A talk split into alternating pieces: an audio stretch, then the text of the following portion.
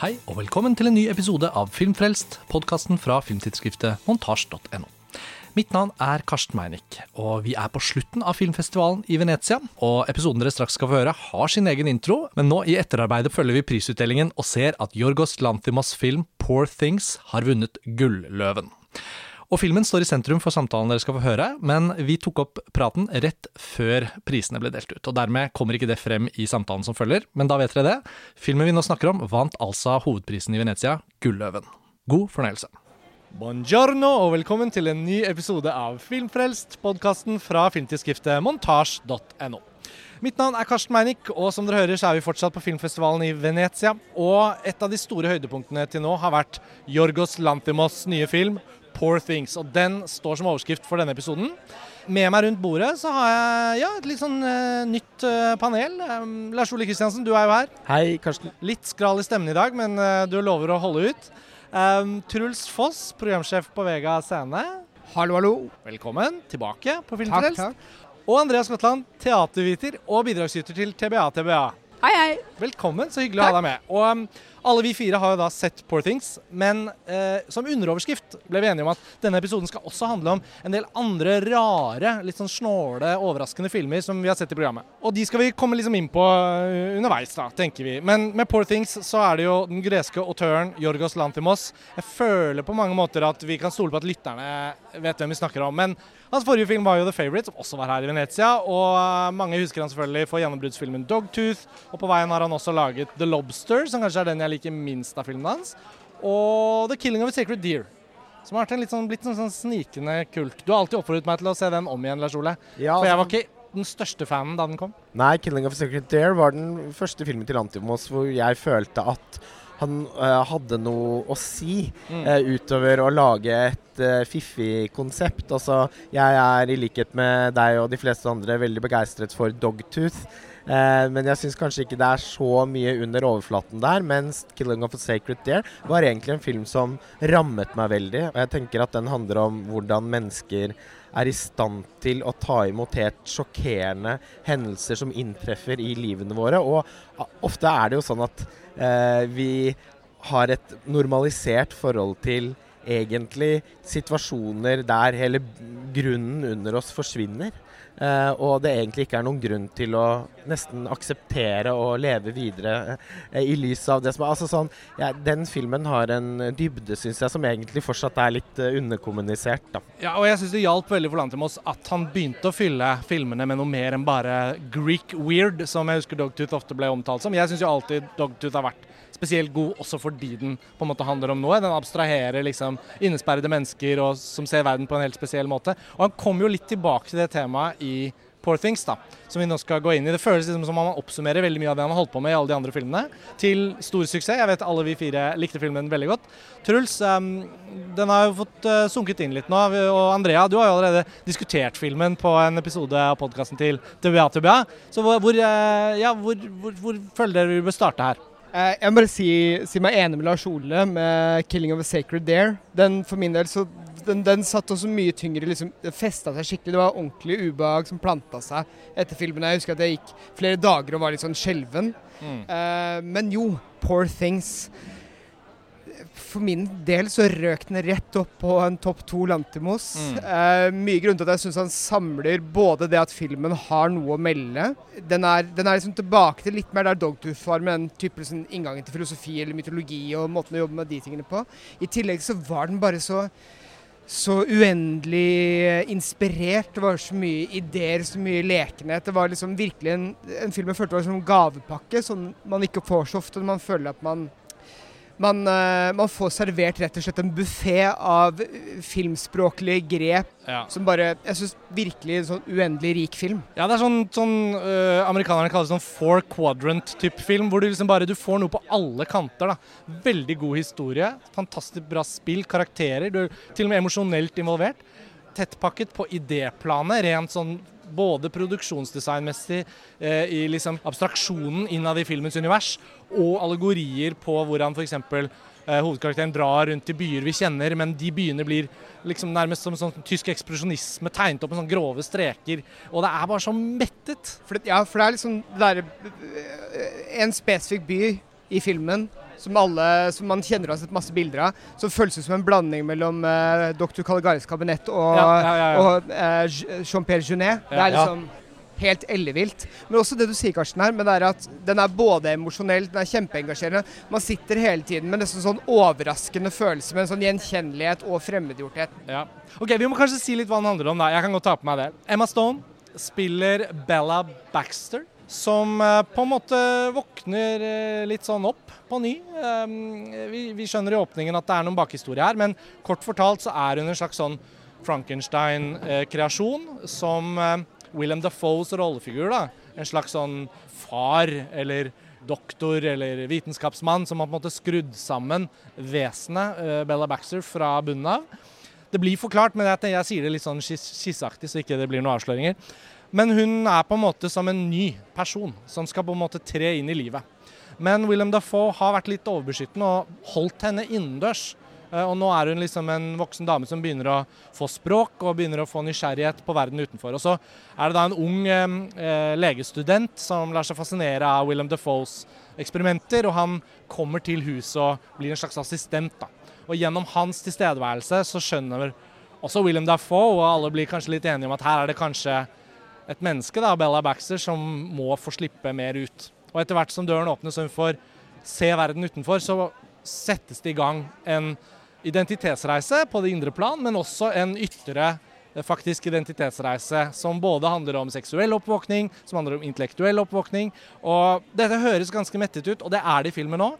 Og fortellingen den blir ganske episk. Så det blir også en slags sånn road movie inni der.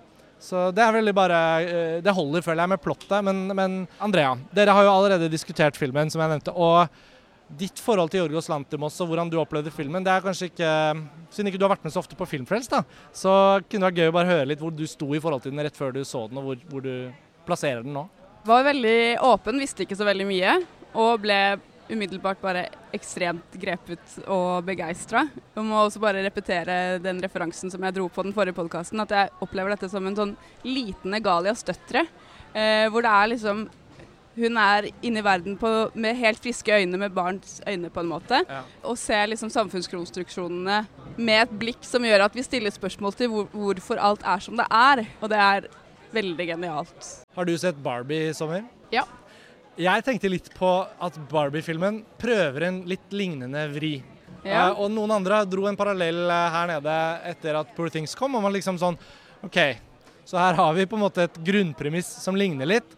Men der hvor Barbie kanskje stipulerer en del sånn herre Og holder en del feministiske taler og på en måte prøver å si sånn blir det hvis man setter opp eh, dukken fra Barbie-verden med den virkelige verden osv. Mm. Mens her er det jo også på sett og vis en sånn dukke som blir pustet liv i, og som får se verden på nytt. Men den reisen Emma Stones karakter her er liksom bare sånn Ja, den dro Barbie bitte litt ned for meg. Og jeg var jo den som kanskje likte Barbie i hvert fall mer enn deg, Lars Ole. Ja. Uh, men nå føler jeg etter Poor Things så føler jeg det setter Barbie litt i relieff. Er det noen andre av dere som så en parallell der, eller er det bare jeg som Ja, jeg har tenkt på den, og jeg er enig. Jeg var nok litt med på Lars Olsens side. Jeg var ikke så begeistra for Barbie. Den var smalt liksom en sånn dagen derpå-følelse. Men uh, med Poor Things så rykket den enda litt ned. Ja, fordi Poor Things har dobbelt så mye underholdningsverdi, men kanskje ti ganger så mye intellektuell verdi. Ja. Og filosofisk, veldig mye filosofiske innganger. Ja. Og, og filmen er veldig veldig fri. Og det er noen ganger jeg kan irritere meg med filmer som på en måte ikke har et tydelig eh, premiss, eller eh, hva heter det for noe, en fiksjonsunivers. At den på en måte kan gjøre hva som helst. At det går helt over stokk og stein. At reglene er liksom litt sånn frie. Ja, de på en måte, reglene endrer seg underveis. At det blir sånn uforpliktende. Ja. Men det gjør det ikke her, for det er jo helt spinnvilt, men likevel stramt. Ja, det er veldig sant. Og man er veldig trygge hender da, hos eh, regissøren og skuespillerne. Ja, og det er et eh, veldig viktig poeng eh, at man veldig raskt føler at man er i så gode hender. Og det er jo umulig å ikke bli liksom filleristende imponert over hva slags filmkunstnerisk kapasitet eh, Lantimos besitter. Altså, tenk hvor vanskelig det er å lage denne filmen. Altså, Mange andre filmskapere ville jo trukket seg bare av å se på en måte planleggings, Ja. planleggingsblokka. Jeg tror det var noe av det første vi sa til hverandre da vi kom ut. For, for en sinnssykt vanskelig film å lage og lykkes med. Ja, og så- og, og så gjør han Så det. mye arbeid. Altså, eh, altså Produksjonsdesignet i denne filmen er noe av det villeste jeg har sett på år og dag. Og det bringer jo absolutt tankene tilbake til Jean-Pierre Genet Marcarot, som du nevnte, Truls. Og særlig De fortapte barns by. Og Terry Gilliam. Og Tim Burton, for den saks skyld. Og ikke minst eh, Peter Greenaway. Men den assosiasjonen skyldes også noen andre ting. Jeg har bare også lyst til å eh, følge opp det Andreas sa om at filmen har en interessant filosofisk diskusjon som pågår gjennom hele fortellingen. Mm. Eh, nemlig at eh, hvis man møter verden med et helt rent blikk, så er, vil det være naturlig å hele tiden spørre om hvorfor ting er som de er. For det er så mye absurd vi hele tiden tar for gitt. Uh, og det forfriskende med Bella Baxter-karakteren, som jo er et barnesinn i en voksen kropp, er at hun setter spørsmålstegn ved og utfordrer alle mulige kulturelle konvensjoner. Og, og som stort sett da er eh, fenomener som springer ut av en patriarkalsk verdensforståelse. Mm. Eh, de forkaster hun eh, i tandem med sin eh, seksuelle oppvåkningsprosess, som jo tar veldig mye plass eh, i filmen. Det er jo rett og slett en erotisk film, eh, dette her. Det må man vel kunne si. Ja, jeg syns Ja, det. det syns jeg. Det er jeg helt enig. Men det blir også brukt ikke sant, til noe mye, mye mer enn bare å være plastisk til stede på filmlerretet. Sånn nakne kropper i bevegelse og alt det. Altså sexscener som vi i denne tiden vi lever i, eh, ofte hører at liksom Uff, hvordan kan den filmen finne på å ha en sexscene i seg, osv. Så, og så, videre. så er det hele tiden denne diskusjonen om liksom Den hadde en veldig skamløs tilnærming. Jo, men eh, at tenker sexscener må være historier av en grunn. Kan ikke bare putte det inn der. Da blir det liksom eksplisitt for ingen årsak osv. Det vi har her, mer enn kanskje i noen nylig film, er jo et fortellerunivers som begrunner hvorfor seksualitet, nakenhet, kropper er i filmen som utforskning for hovedkarakteren, men også for oss. Jeg føler at hennes spørsmålsstilling til verden, som du er inne på, Nalsole, smitter jo veldig over. Det er jo det beste sånne filmer kan gjøre. At man kjenner at liksom OK, men ja. Jeg har aldri vært i posisjon til å stille disse spørsmålene, men jeg liker at denne karakteren gjør det. Og der, der tenker Emma Stones måte å eh, Med den oppdagelsen av sex da, og det erotiske, hennes eh, liksom, nyfikenhet i blikket og måten å spille på, er, er så utrolig godt formidla. fordi det gjør at vi aksepterer lettere en uh, krysning mellom en gås og en hund som løper gjennom stua hvor hun bor, mer enn hennes første opplevelse med seksualitet. Som jo ikke henger på greip helt, men pga. hennes spillestil og pga. filmens univers, så, så deler vi hennes blikk da, på det, som jeg syns bare Lantimos veldig elegant klarer å bakke inn. Jeg tenker på de tingene ganske ofte. Eller sånn hvorfor verden er som den er. Jeg tenker mer sånn åh, endelig kom det. Det er på en måte ikke nye spørsmål. Det er bare sånn ja, så godt å se det liksom på skjermen. Og skikkelig gøy. Ja, så det er ikke sånn at Spørsmålene som stilles i filmen er sånn og har aldri hørt dem eller tenkt dem før' i det hele tatt. Nei, bra. Jeg mener at det selvfølgelige er på en måte det man ser så sjelden behandlet, fordi 99 av 100 filmskapere vil være mer enn opptatt nok med å bare få til den ideen de har satt seg for å gjøre. Men så får man et sånt tilfelle som det her hvor kapasiteten som du snakket om ved Lantimos, da, både som filmkunstner, håndverker og, liksom, eh, og ambisjon, altså ambisjonsnivået han setter seg, og også som historieforteller. Og det er jo også en adaptasjon, dette her. Jeg kjente ikke den romanen fra før av. Eh, Alistair Gray heter han forfatteren. Og kom i prat med en i køen som var veldig opptatt av den romanen og liksom spent på filmen. Så ikke han etterpå, men sånn liksom løs prat. Og da skjønner jeg jo at liksom noen ganger, for meg som ikke leser så mye som jeg ser film, så kan det komme et eller annet frem gjennom en adaptasjon. Så blir jeg dritnysgjerrig på den boken. Og så er den kanskje en selvfølgelig klassiker for noen. Men den, har hvert fall, den ble utgitt i 92 og ikke blitt adaptert i noen form før. Men teksten i filmen, i tillegg til alt det visuelle, er også så fantastisk godt skrevet. Og noe av det er sikkert fra romanen, men det er også innmari bra gjort som manus. da. For hun er, går jo gjennom en språklig utvikling fra barnesinn til etter hvert mer sofistikert intellektuelt vesen. Så jeg føler også, Filmen klarer også å bryte ned og analysere hva språk betyr mellom mennesker, og hvor enkelt noe kan bli sagt, og hvor mye fjas det er at vi putter inn masse forskjellige ord for å liksom nyansere og lage perfekte setninger. Typ på en podkast, f.eks. Jeg, virkelig at, ja, jeg tenker virkelig at det er en film om språk. For språket rommer så mye av kulturen vår. Og seksualiteten, sånn som den er fremstilt i filmen, er også en del av den språkutviklingen. Eh, og det er bare gjort på en måte som jeg syns man sjelden har sett eh, på denne siden av Katrin Breiat i sine velmaktsdager, og en filmskaper som polske Valerian Borowczyk, som jo i all hovedsak laget filmer i Frankrike. Modige, frekke eh, filmer om, om, seksualitet som også er uredd motivene. Og nå lever vi jo i en filmkultur hvor man veldig ofte har lyst til å på en måte finne subtile virkemidler for den type tematikk, fordi det får bedre kritikermottagelse. Altså det begynner jo å bli eh, et visst element av iransk eh, sensur på en måte som rammer denne type filmer. Og desto mer herlig er det å se at uh, Lantimos og Emma Stone og alle som er involvert i den filmen, bare går skikkelig for broke og lykkes, fordi det er jo da den suverent best mottatte filmen i eh, Venezia, og kommer jo nå til å bli en sånn kjempe-Oscar-film, som ville vært helt absurd for bare noen år siden. Eh, men eh, i og med at Oscar-prisen også har endret seg så mye, og alt kan skje der, så tenker jeg jo at uh, det er uh, veldig lovende for ko kommende sesong da, at ja, ja, ja. denne filmen er med i spillet. Bare et kjapt liten kommentar på denne språket òg. For det er også noe med at filmen tar for seg det at når man blir blasert i språket, eller man tar ting for gitt, eller bare for, liksom er forhåndsprogrammert til å akseptere noe, så er det noe med det blikket til Bella Baxter her i filmen også som får meg selv til å stille spørsmål ved verden jeg lever i etter å ha sett filmen òg. Som jeg føles bare berikende og befriende og gledelig. Jeg kjente veldig på det, de, de ganske treffende og beske kommentarene til eh, veloppdragenhet.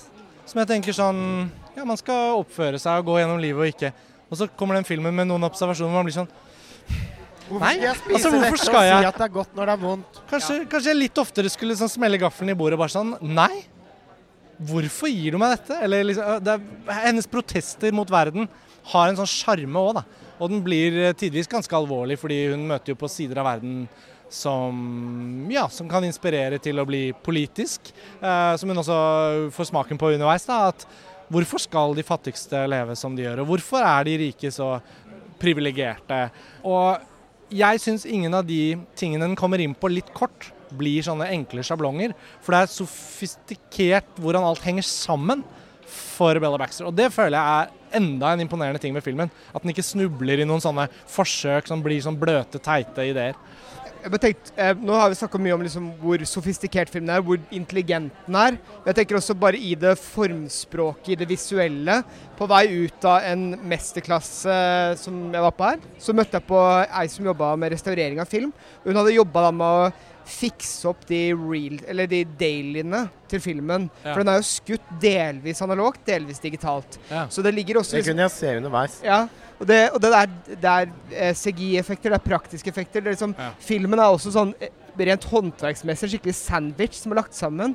Og det å få det til å henge sammen uten å føles off eller få at du har partier eller scener ja, Det var ikke en sånn patchwork-følelse, det var veldig sømløst. Ordentlig sømløst og skikkelig sånn du, Når du slenger sammen så mange teknikker, det er, det er faen meg imponerende å få det til å funke så bra. Og så er det verdensrekord i vidvinkel, tror jeg. Ja, altså Robbie, Robbie, Ryan er jo tilbake som fotograf her også. Og Lars Ole, hvis Robbie Ryan noen gang skal være aktuell for en foto-Oscar igjen, da. Nå er ja. Dune 2 blitt utsatt. Han Greg Frazier kunne jo risikert å bare ta den en gang til, fordi det er liksom samme. Um, det er klart Oppenheimer er vel en kandidat, men det er så veldig tydelig bra både produksjonsdesign og foto, hvordan det hører sammen. Vidvinkel-verdensrekorden. Eh, veldig godt begrunnet bruk. Så Robbie Ryan, som har gjort så mye bra, selv om han har gjort kjedelige ting òg, så har han jo vært en fotograf i et par tiår nå. Som vi har hatt stor respekt for. Helt klart, Han har jo gjort fantastiske ting for Andrea Arnold. Vært ja. en veldig stødig fotograf for uh, Ken Loach. Ja. Og uh, har jo samarbeidet med Noah Baumbach og, og, gjorde jo også da The Favourite uh, for uh, Lantimos, som vel uh, resulterte i hans første Oscar-nominasjon. Jeg tror det var den første nominasjonen. Og han overgår seg selv her, ja. syns jeg. Og jeg liker også egentlig veldig godt at filmen ikke alltid begrunner alle grepene den gjør, Nei. så veldig heller. Altså at den, bare gjør, ja, at den bare gjør ting fordi det ser fett ut. Ja. Uh, og jeg er jo svak for den type maksimalistisk uh, filmskaping i alt fra Xavier Dolan til Bernardo Bertoluccis uh, filmer. Og for å oppsummere den tråden, så tenker jeg det er vel ingen tvil om at vi likte Poor Things veldig godt. Og, og vi skal ikke snakke den i hjel heller, for jeg tror denne kan jo bli gjenstand for samtaler og, og tekster og det hele gjennom vinteren. Truls, du er jo på Vega scene og har oversikt over når ting har kinopremiere. Ja. Poor Things skulle jo egentlig komme i september, men så har det jo vært skuespillerstreik i Hollywood, og så skjøv de på den. ja, og nå er den i januar. Den kommer i januar. Jeg er ikke helt, helt nøyaktig dato, men det er i løpet av januar. Så midt i Oscarsesongen, da. Og um, vi nevnte jo i innledningen at vi også skal ta en runde på andre rariteter vi har sett eh, på festivalen. Lars Ole, dette var litt inspirert av um, egentlig Poor Things, selvfølgelig, og nå har vi snakket om den, men også fordi vi var jo så Luc Bessons nye film. Og da vi kom ut av den, så var vi sånn Herregud, den skulle vi jo egentlig ikke snakke om på podkasten, for vi hadde vel ikke forventet at den skulle ha så mye å snakke om. Nei. Og så kom vi ut og var litt sånn «Ah, Den skal bli gøy å snakke om. Og den er jo en raring, den nå.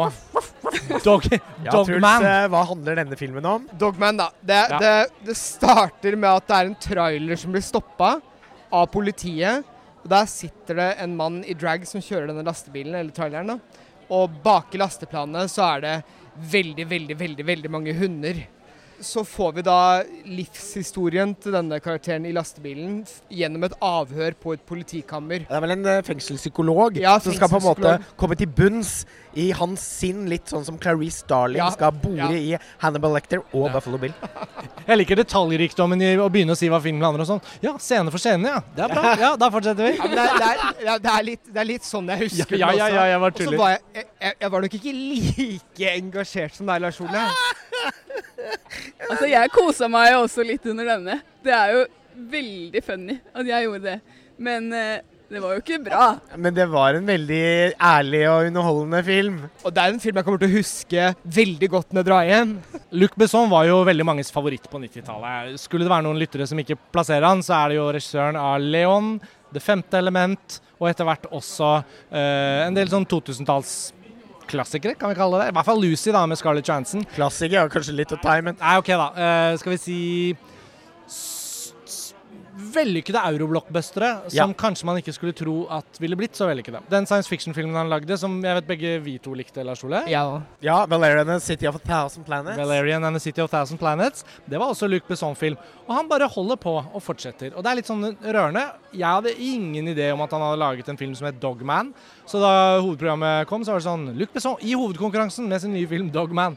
Hva i alle dager kan det være? Og det var jo Altså, Det var som en, vi, en skikkelig bra videofilm fra 90-tallet. Ja, og ikke nødvendigvis regissert av Luc Besson, men produsert av Luc Besson. Det var jo mange av de, og han ble jo en sånn merkevare på et tidspunkt. Alle disse taxifilmene og sånn. Ja, Og med en sånn passe kjent uh, skuespiller som kanskje man kunne forhåndsselge rettighetene til i Cannes, sånn at egentlig filmen var finansiert av at den var kjøpt til alle mulige sånne Caleb Laudrey Jones, som jo vant prisen for beste skuespiller i Cannes for Nitram. Ja, Men som, det var ikke en film som utrolig mange så. da Så jeg tenker hvis man kjenner igjen han, så må det jo bare være fordi han har så spesielt oppsyn at hvis du bare har sett han én gang, så husker du han. Ja, uh, jeg husker han best fra Antiviral til Brandon Cronenberg, som var en veldig svak film. Men der gjorde han jo litt inntrykk. Ja. Og han eh, er jo hele tiden på casting, føler jeg, i hver film han er med i, for å bli Joker. I en eller annen fremtidig Batman-film. Jeg, jeg husker du, eh, Lars Ole, oppsummerte filmen litt i en Messenger, tror jeg. Da satt referansene løst. Da var det vel eh, Lars Daniel, kolon, Joker, Buffalo Bill, Hjemme alene, alene hjemme.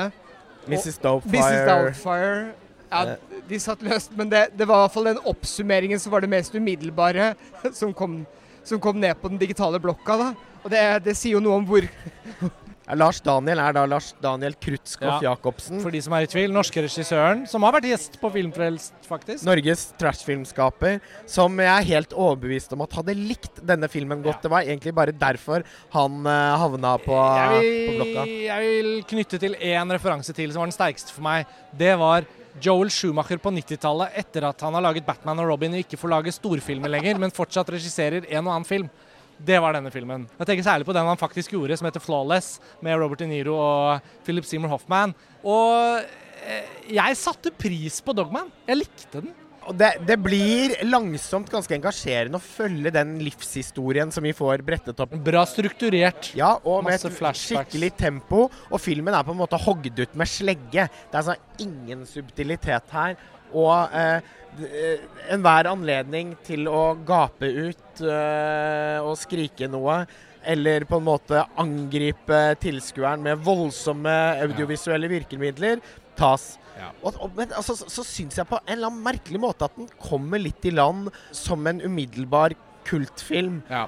Det er litt showgirls her òg. Ja, altså, og han blir jo dragartist eh, etter hvert. Og det er en helt vidunderlig scene der han blir kjent med de ansatte på en klubb. Eh, og de består da av henholdsvis eh, Madonna i Blonde Ambition Tour-outfit. Grace Jones, som vi husker henne fra A View to a Kill. Cher i eh, nettopp vunnet Oscar for Moonstruck-outfiten, som er så berømt. Annie Lennox eh, fra Eurythmics-tiden med oransje, kort hår. Og selveste Dogman går jo da inn i både Edith Piaf og Marilyn Monroe. Marlene Dietrich. Yes. Han har liksom noen han skal spille ut. Ja, og eh, mot slutten av filmen så skjer det et slags klimaks, fordi han kommer i konflikt med noen kriminelle, og han driver da et hundehus eh, som for, som mister finansiering fra staten, noen bevilgninger som går tapt. Jeg husker ikke helt begrunnelsen for det, men i alle fall så I den fasen av filmen så var det smart at Luc Besson sørget for å bevege plottet litt fort framover. Ja. For der var det egentlig mye som kunne gått veldig dårlig. da blir det litt sånn hjemme alene-aktig scene mot slutten, da, da noen kriminelle skal bryte seg inn i hundehuset, og alle hundene er parate til å glefse løs på uh, armer og bein og skritt. Uh, og da uh, er Eller altså løpe over et gulv som er litt skranglete, så skurkene faller igjennom. Ja! Og, og mens dette foregår, så har da Caleb Lodry Jones, hovedkarakter, sminket seg i Marilyn Monroe drag og funnet fram en kjempesvær pumpehagle. Og drikker rødvin fra et skvulpende glass mens han skyter. Og da tenkte jeg at dette her er jo eh, en film som, som Fassbinder hadde hatt glede av å se. Ja, og jeg tenker det er et bra sted å egentlig oppsummere, da. For er sånn risikoen for å snakke Dogman litt i hjel er jo også til stede. Jeg følte at det bildet der som du beskrev, minnet også om sånne type litt outrerte, deilige actionscener i type Hongkong-filmer på slutten av 80-, begynnelsen av 90-tallet. Cho Yun-fat med en baby i den ene hånden og en pumpehagle i den andre. Litt den viben. Og den shootout-type action-klimaks-scenen. Ikke sant? Videofilm på 90-tallet. Jeg ville absolutt vært fornøyd med kjøpet. og det er akkurat derfor den for min del ikke satt helt. Fordi jeg gikk ikke inn med videobrillene på, da, for å si det sånn. Så jeg Nei. satt og venta. Kanskje, kanskje blir noe Lucy, kanskje blir noe Valerian. Og så ble det det her. Så jeg, jeg veit i meg selv som denne her, at jeg kommer til å sette veldig pris på å se den her igjen hjemme på video. Du har jo hatt mange forskjellige solbriller under festivalen, Truls, så jeg foreslår at ditt neste par blir eh, på en måte smørje i VHS-kassetter. Ja. Eh, da kan du se Dogman på blir nytt dra med hjem de med på. VHS-kassettbrillene og se Dogman. Men da litt sånn helt til slutt, kanskje. og øh, Vi nærmer oss jo avreisetidspunkt. Skal, noen skal på filmer osv. Men, men det var noen andre rariteter som ble nevnt. Er det, er det noe dere har sett, Truls Andrea, som, som virkelig var litt sånn off the grid? Det er vel kanskje Harmony Koreans um, agrodrift kan jo kanskje gå inn i Ja. en raritet. Ja. Det er jo kanskje mer et videokunstverk enn en eh, på en måte tradisjonell spillefilm. Okay. eh, hvor vi følger en eh, leiemorder gjennom en reise. Um, hvordan er det den er filma? Er dere som kan litt mer sånn teknisk? Hvordan den uh... Nei, altså den er vel da filmet uh, på tradisjonelt vis, men uh, så har man invertert fargene og lagt på på en måte et animert lag etterpå. Altså Ser litt ut som sånn infrarødt eller Ja. sånn rot. Night vision, inf varmesøkende kameraer, infrarødt. Men så har man jo øh, øh, jobbet masse i postproduksjonen med å justere fargene til en Harmony koreansk øh, fargepalett. Jeg, jeg har jo ikke sett den. Dere tre har sett den. Harmony Korean, Spring Breakers, men også liksom Trash Humpers og Beach Bum. Og liksom. Han har liksom broket rar karriere. og hva er det? Dette er jo også et nytt selskap han har offentliggjort, at han skal liksom jobbe med her nede. Han skal snu opp ned på filmkunsten og sånn. Hvor revolusjonerende føltes dette videokunstverket, da? Hmm, godt spørsmål. Jeg vet ikke helt hva jeg skal svare på det, men, men vi tenkte jo, vi snakket om det på båten på vei hjem rett etter at vi hadde vært på gallaen, at eh, det føltes litt som en slags myte. At vi begynte å lete etter liksom, hvilken gresk myte er det dette kanskje kan basere seg på. For det er jo litt som Det er tydelig at Harmony Corinne liker Scarface, på en måte. Og den siste delen i Spring Breakers, de siste 20 minuttene, som en slags sånn klimaks på en fortelling. Akkurat har tatt de 20 minuttene, strukket ut i 8 minutter og tatt som sirup, liksom. kokte den til sirup. Hvor det repeteres mantraer. Det er et slags gjengoppgjør. Det er en leiemorder. Han bygger en form for mytologi rundt disse Miami, disse Florida-gangsterne som blir veldig estetisert, veldig kunstnerisk. Og jeg føler at dette er et prosjekt han jobber med nå. Han har også hatt et tidligere prosjekt med Travis Scott, hiphoperen, som også er med her. Ganske lite, vil jeg merke. Han dykker ned nå i den Miami-verdenen, og helt hvor han har lyst til å lande med alt, det vet jeg ikke, men enn så lenge interessant. Jeg syns som videokunst at dette var veldig suggererende. og stilig, da. Altså, jeg er veldig begeistret for hans uh, estetikk og fantastisk musikk i filmen. Og uh, i det hele tatt uh, en veldig merkelig film å se i denne settingen. Altså i Festivalpalasset, midnattspremiere med ikke bare Harmony Corrine til stede, men også Nicolas Winning Refn. Og festivalsjef Alberto Barbera. Og det er jo bare så underlig å se for seg at han virkelig har elsket denne filmen. Eh. Og Barbera har vel også plassert den utenfor konkurranse, da, så det er vel også en distinksjon fra Venezia sin side om hvor den hører hjemme. Men også midnattsvisning etter ja. sånn 23.59 var visningen. Ja, ja. Og Harmony Corrine uh, uh, ga inntrykk av at han var uh, glad for å være tilbake i manesjen igjen. For jeg tror jeg aldri har sett noen være så glad i å ta imot applaus. Nei, Han var sinnssykt glad i det. Han holdt den applausen gående virkelig lenge. Ja, En halvtime eller noe? Det er jo noen ganger jeg ser aviser skriver om hvor lenge en film har hatt applaus etter premieren. og han drev den selv, på en måte. Så det er jo litt fint at man kan manipulere sin egen applaus. Jeg tenker at til og med med Cannes i minnet fra, fra, fra, mai, så er fortsatt den lengste applausen jeg har opplevd på en gallavisning. Ja. Kanskje ja, egentlig noensinne. Ja, helt klart. Men dere, dere, er jo så vidt inne på da hvor denne filmen hører hjemme. da. Er det videokunst, er det film? Og her ser vi den i en full sal. Jeg syns det er rart at den ikke er liksom det, det, er, det er, Selv om den er midnattsvisning i Venezia uten konkurranse, så er det, det er, er noe jeg hadde mer forventa å se på Museum of Modern Art i New York enn å se den eh, på festivalen i Venezia. Men du programmerer jo en kino, Truls. Ja, jeg... Hvordan vil du Hvis noen begynte å sende mailer sånn Når kommer ja, men jeg har allerede faktisk tenkt på det. At jeg har lyst til å sjekke opp muligheten for å sette opp den her med noen eksklusive visninger. Men, men med kontekst kanskje med, også? Eller? Ja, men på en eller annen måte kanskje ikke òg. Fordi jeg tror ikke den filmen er Jeg tror ikke Coreens ønsker at den her skal programmeres i en kontekst. Nei, eller snakkes i eller intellektualiseres. Ja, man skal kjenne Coreen. Og så er det noe med den Apropos TV-spill, jeg syns ikke TV-spillestetikken er så interessant i filmen, egentlig. Men det er noe med den Den har ganske mange dataanimasjoner ja, som ikke er helt Men det er noe med tilstanden man kommer inn i som, eh, som, jeg tror er mer Corinne sitt kunstneriske prosjekt enn at det skal intellektualiseres. Jeg skjønner. Jeg har jo som sagt ikke sett den ennå, men jeg blir jo veldig nysgjerrig, da. Jeg syns dere beskriver det på tilstrekkelig rar måte til at den passer inn i denne episoden. Ja, Andrea? Ja, du har spurt om det var revolusjonerende, men sånn ja. tematisk sett så er det jo virkelig ikke det, da.